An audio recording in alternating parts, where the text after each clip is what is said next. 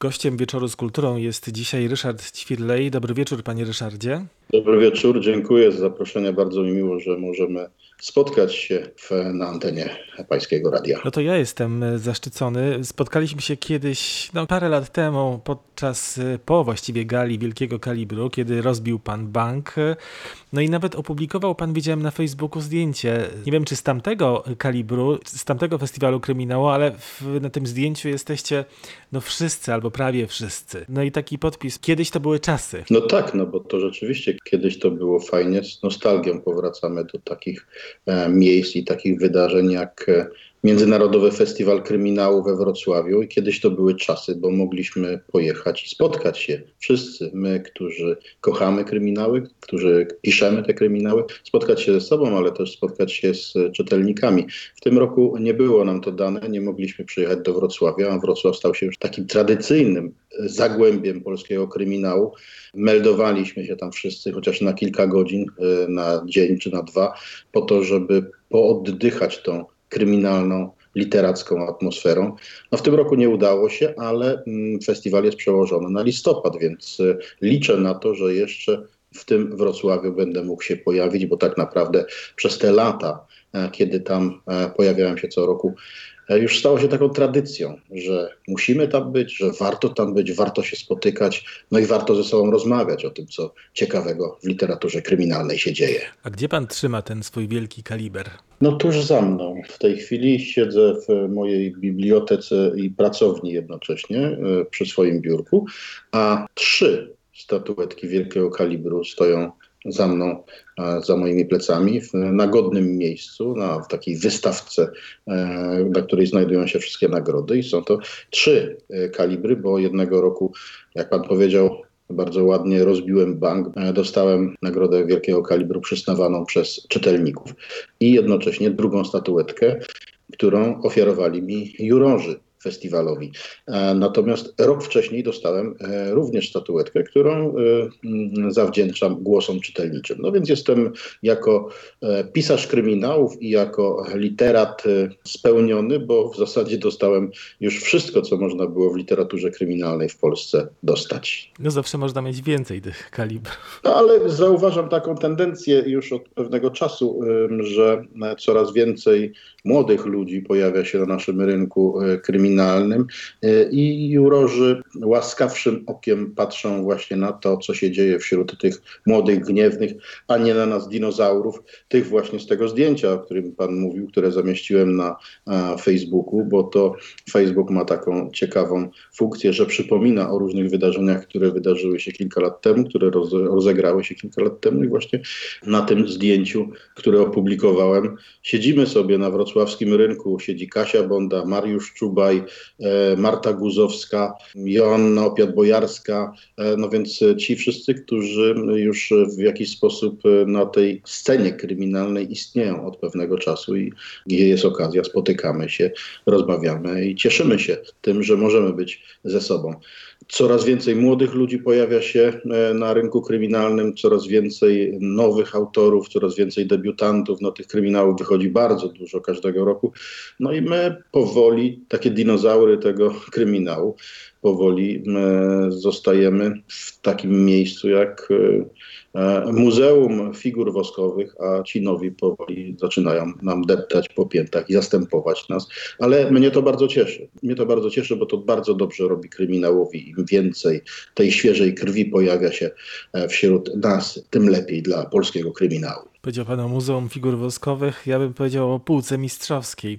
Panie Ryszardzie, jak Pan spędził te trzy miesiące na pisaniu? Tak, w zasadzie u mnie się nic nie zmieniło. To znaczy ja i tak piszę codziennie, czy niezależnie od tego, czy to czas e, choroby, czy za, czas zarazy, czy czas e, normalnego funkcjonowania. Staram się pisać codziennie, bo kryminał jest nieprawdopodobnie wymagającym gatunkiem, który sprawia, że trzeba codziennie zasiąść do pisania, trzeba podgonić tę robotę, po to, żeby być na bieżąco z własnym tym tekstem, bo jeśli się odpuści troszeczkę, to, to ten e, tekst, który został gdzieś tam napisany tydzień czy dwa wcześniej, a jeszcze do tego dodać przerwę w pisaniu i w zanurzaniu się w tej rzeczywistości, to sprawia, że człowiek po prostu zapomina o tym, co się wydarzyło kilka stron wcześniej. Dlatego trzeba pisać codziennie, dlatego trzeba, e, tak jak do pracy, e, chodzić do swojego komputera, do swojego biurka i pisać. No więc tutaj pod tym względem nic się nie zmieniło. Pisałem codziennie i jestem w trakcie kolejnej książki, która już osiągnęła połowę, a może nawet więcej. Natomiast y, to, czego mi brakuje przez ten czas, przez czas epidemii, to tego, co było zawsze bardzo istotnym elementem e, naszej, czy mojej pisarskiej pracy, a mianowicie spotkań z czytelnikami, tych spotkań na żywo, bo e, takie spotkania e, jak spotkania online, one się odbywają i zastąpiły w jakiś sposób spotkania w bibliotekach czy w domach kultury. Natomiast e, no, nie dają tej satysfakcji, którą mamy, możemy e, dotknąć żywego człowieka, kiedy możemy porozmawiać z ludźmi, którzy przychodzą na nasze spotkania autorskie, którzy przychodzą z książkami pod pachami po to, żeby, żebyśmy mogli złożyć tam dedykację. Tego brakuje, to jest ten czas e, stracony, który, którego pewnie nie nadrobimy już. To znaczy będą te spotkania, część została przełożona, część została odwołana. Będziemy, my pisarze, mówię i pisarki, będziemy jeździć. Oczywiście, jak tylko będzie to możliwe i będziemy przyjmować e, wszystkie zaproszenia bibliotek, ale to wszystko zaczyna się powoli dopiero wyłaniać i ten obraz jesieni jako tej rzeczywistości której się znów pojawimy, ogoleni i ubrani w garnitury, to jeszcze ten obraz się dopiero zaczyna wyłaniać i ja tak naprawdę jeszcze nie wiem, co będę robił jesienią. Będę chciał przyjechać do Wrocławia chociaż na kilka godzin, żeby spotkać się z koleżankami i kolegami i spotkać się z czytelnikami. Ale razem z wydawnictwem nie zdecydował się pan przełożyć premiery najnowszej książki. Ona ukazała się w maju, piąta część cyklu o Fischerze. Tak, tak. Właśnie 20 y, maja ukazała się moja najnowsza powieść. Nawet nie było takiej mowy, powiem szczerze, żeby, żeby myśleć o tym, czy, czy przekładać y, to wydarzenie.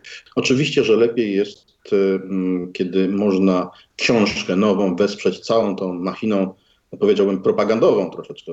Tutaj tego nie było. Nie mogłem się spotkać z czytelnikami, no ale książka weszła na rynek i już sobie całkiem nieźle radzi, co widać po ilości opinii, mm, recenzji, które pojawiają się e, w internecie. Tego jest naprawdę dużo i widzę, że książka jest bardzo dobrze odbierana przez czytelników. Także no, myślę, że przekładanie książki nie miałoby sensu, ponieważ na jesień e, zaplanowana jest książka, wydanie książki, którą piszę w tej chwili. No więc te wydarzenia skumulowałyby się e, za bardzo, zbyt blisko siebie by były, więc e, obecna moja książka, która została właśnie wydana, już żyje na rynku, już e, czytają ją czytelnicy, już daje im odrobinę radości. A ja mam radość z tego, że czytelnikom się podoba i że sam mogę oddać się pisaniu kolejnej, kolejnej powieści. No to porozmawiajmy o tym pisaniu. Jak inaczej pisze się cykl o milicjantach, jak inaczej ten od przedwojennej policji? W sumie wyjąwszy te nowe książki z młodą policjantką Anetą, można powiedzieć, że oba cykle są retro. To prawda, że cykl z lat 80. czy lat, z lat 20. to są to kryminały retro, bo tak właśnie odbierają te kryminały ludzie młodzi, którzy nie pamiętają czasów PRL-u, czasu lat 80. Dla mnie kryminał z lat 80. to kryminał półretro, to tak właśnie nazwała e, te kryminały jedna z dziennikarek radiowych, która stwierdziła, że no nie może być to pełne retro, skoro ona doskonale te czasy pamięta. No i tutaj pod tym względem się z nią zgadzam. Natomiast dla współczesnego, młodego odbiorcy to wszystko jest zamierzchła przeszłość, bo tak naprawdę nieważne, czy kryminał rozgrywa się w latach 20., 30. czy 80., czasy, których nie dotknął pamięcią młody czytelnik, to wszystko zamierzchła przeszłość. A jaka jest różnica w pracy nad tymi kryminałami? No zdecydowana różnica, ponieważ dla mnie lata 80. to rzeczywistość, w której e, wychowywałem się, były to lata mojej młodości, więc e, nie muszę się specjalnie rozglądać po tej rzeczywistości. Ja ją doskonale pamiętam i gdy piszę te książki, to jedyną e, pracą researcherską, którą muszę wykonać, to przypomnieć sobie, co wydarzyło się w świecie, w polityce, w gospodarce, w, w futbolu nawet w lata, w tym właśnie roku, w którym książka jest osadzona. No i po takiej krótkiej tak naprawdę kwerendzie mam już pełną wiedzę na temat tego roku i mogę spokojnie przystąpić do opisywania rzeczywistości, w której wykorzystuję te wszystkie elementy, które doskonale pamiętam, czyli na przykład wygląd ulic, wygląd samochodów, wygląd knajp czy modę z tamtych czasów. To jest wszystko gdzieś tam tkwi w zakamarkach mojej pamięci i tutaj z tym radzę sobie, myślę, że w bardzo łatwy sposób. Natomiast książka, której, akcja rozgrywa się w latach dwudziestych, ona wymaga znacznie większego zaangażowania badawczego. To znaczy, żeby znaleźć się w Poznaniu na przykład lat dwudziestych, to trzeba sobie ten Poznań wyobrazić, poobejrzeć go na kartach pocztowych, zobaczyć jak wyglądały ulice, jak wyglądały domy, e, na jakiej ulicy jaka znajdowała się knajpa, bo gdzieś tych moich bohaterów muszę posłać na jakiegoś kotleta. I co ważne i istotne, to jeśli mój bohater idzie do na przykład e, restauracji Ground Café na Placu Wolności w Poznaniu i zamawia tam e, kotleta de volaille, to znaczy, że w tym dniu czy w tym tygodniu rzeczywiście tego de volaille'a serwowano w tej knajpie. Dlaczego? Skąd to wiem? Ano wiem to z e, lektury gazet ówczesnych, ponieważ czytam te gazety, nie tylko wydarzenia polityczne, czy gospodarcze, czy ekonomiczne, ale czytam artykuły dotyczące e, życia społecznego, ale także ogłoszenia. Ogłoszenia są bardzo istotne, ponieważ na przykład Grand Café w Poznaniu zaprasza tego i tego dnia na kotleta de volaille podawanego z pommes frites i e, kapustą zasmażaną e, na słodko. No więc e, jeśli takie ogłoszenie znajduje, a znajdują się one w niemal każdej gazecie poznańskiej, bo restauratorzy ogłaszali się w ten sposób, przyciągając smakołykami e, do siebie klientelę, no więc wiem, że jeśli mój bohater idzie do tej restauracji tego dnia, to je to, co właśnie tego dnia znajdowało się w menu. Także tutaj trzeba poszukać troszeczkę różnego rodzaju ciekawostek, nie tylko historycznych wydarzeń, ale takich zwykłych, prostych, smaków dla podniebienia dzisiejszego czytelnika, które e, rozświetlą zapachem, wyglądem, ukażą troszeczkę inaczej tą epokę, nie tylko jako epokę e, ludzi chodzących e, po ulicach w przedziwnych strojach, ale także jedzących ciekawe i smakowite rzeczy. Jako czytelnik jednego i drugiego cyklu, to mam takie wrażenie, że rola opisu w retrokryminale jest trochę większa niż w tym cyklu o milicjantach, a z kolei te oba cykle łączą bohaterowie mimo wszystko. Mimo, że dzielą ich dekady, to jednak e, w tym cyklu o Fischerze jest Tolek, jest Zenuś, jest Anastazy, którzy mają swoich potomków w cyklu o milicjantach. No to taki e, celowy zabieg, takie oczko puszczone w stronę wiernych czytelników, ponieważ e, ludzie czytający książki E, lubią kontynuację. No wszyscy lubimy seriale, wszyscy lubimy opowieści, które ciągną się latami. Każda z moich książek jest taką integralną całością i opowieścią o pewnym wydarzeniu pewnej e, chwili, e, pewnej epoce, pewnej zbrodni, która gdzieś tam się rozgrywa na ulicach miasta czy w zaułkach miejskich. Fakt, że bohaterowie, którzy mają, e, zaczęli swoje kariery w PRL-u, mają jakieś odniesienia do swoich przodków i tam się na tych kartach moich przedwojennych powieści pojawiają protoplaści ich rodzin, e, no myślę, że jest takim ukłonem w stronę czytelnika wiernego, który rozpoznaje nagle wśród swoich bohaterów lat dwudziestych niejakiego Anastazego Olkiewicza, który jest e, ojcem Teofila, jednego z głównych bohaterów mojej powieści milicyjnej. Pojawia się na kartach tej książki też e, Tolek Grubiński, który jest e, dziadkiem grubego Rycha, jednego z bohaterów właśnie tych milicyjnych powieści i tak dalej, i tak dalej. Ci bohaterowie to taka literacka zabawa, ale tak jak mówiłem, takie mrugnięcie w stronę czytelnika, tego, który no, czyta jedną i drugą serię. Jak to tam e, było, niedaleko pada jabłko od jabłoni. No właśnie, no to też o to chodzi. A który Poznań jest wdzięczniejszym miastem e, dla pana? Ten Poznań retro, przedwojenny czy powojenny, współczesny? Poznań lat 80. to jest ten Poznań, w którym gdzieś tam e, przemierzałem miasto wzdłuż i wszerz i poznawałem różnego rodzaju uroki miasta, więc tutaj wracam do tego Poznania z sentymentem. No ale jeśli się kocha miasto, w którym się żyje, jeśli się e, lubi historię i przeszłość, to naprawdę ciekawe, niezwykle ciekawa jest możliwość wejścia e, w świat, który chciałbym zobaczyć, ale nie mam takiej możliwości, ponieważ no, tak naprawdę jedyna możliwość, jaką daje nam kwerenda po archiwach, to ujrzenie Poznania w, na pocztówkach i różnego rodzaju zdjęciach, które były robione przez mieszkańców miasta.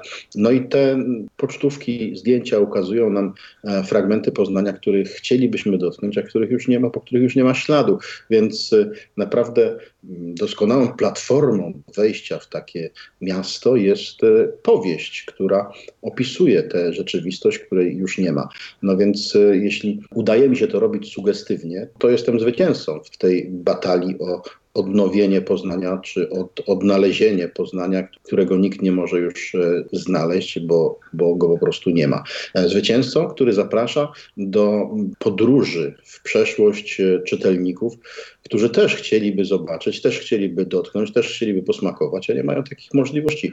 Powieść jest na tyle sugestywna, że można poczuć ten Poznań przedwojenny tak samo mocno i wyraziście, jak na przykład Wrocław dzięki powieściom Marka Krajewskiego, czy Lublin dzięki e, powieściom Marcina Wrońskiego. No, taka nasza rola pisarzy, żebyśmy e, mogli oprowadzić czytelnika po tej rzeczywistości, której nie ma i którą można dzięki słowom, dzięki zdaniom, dzięki akapitom wyobrazić sobie.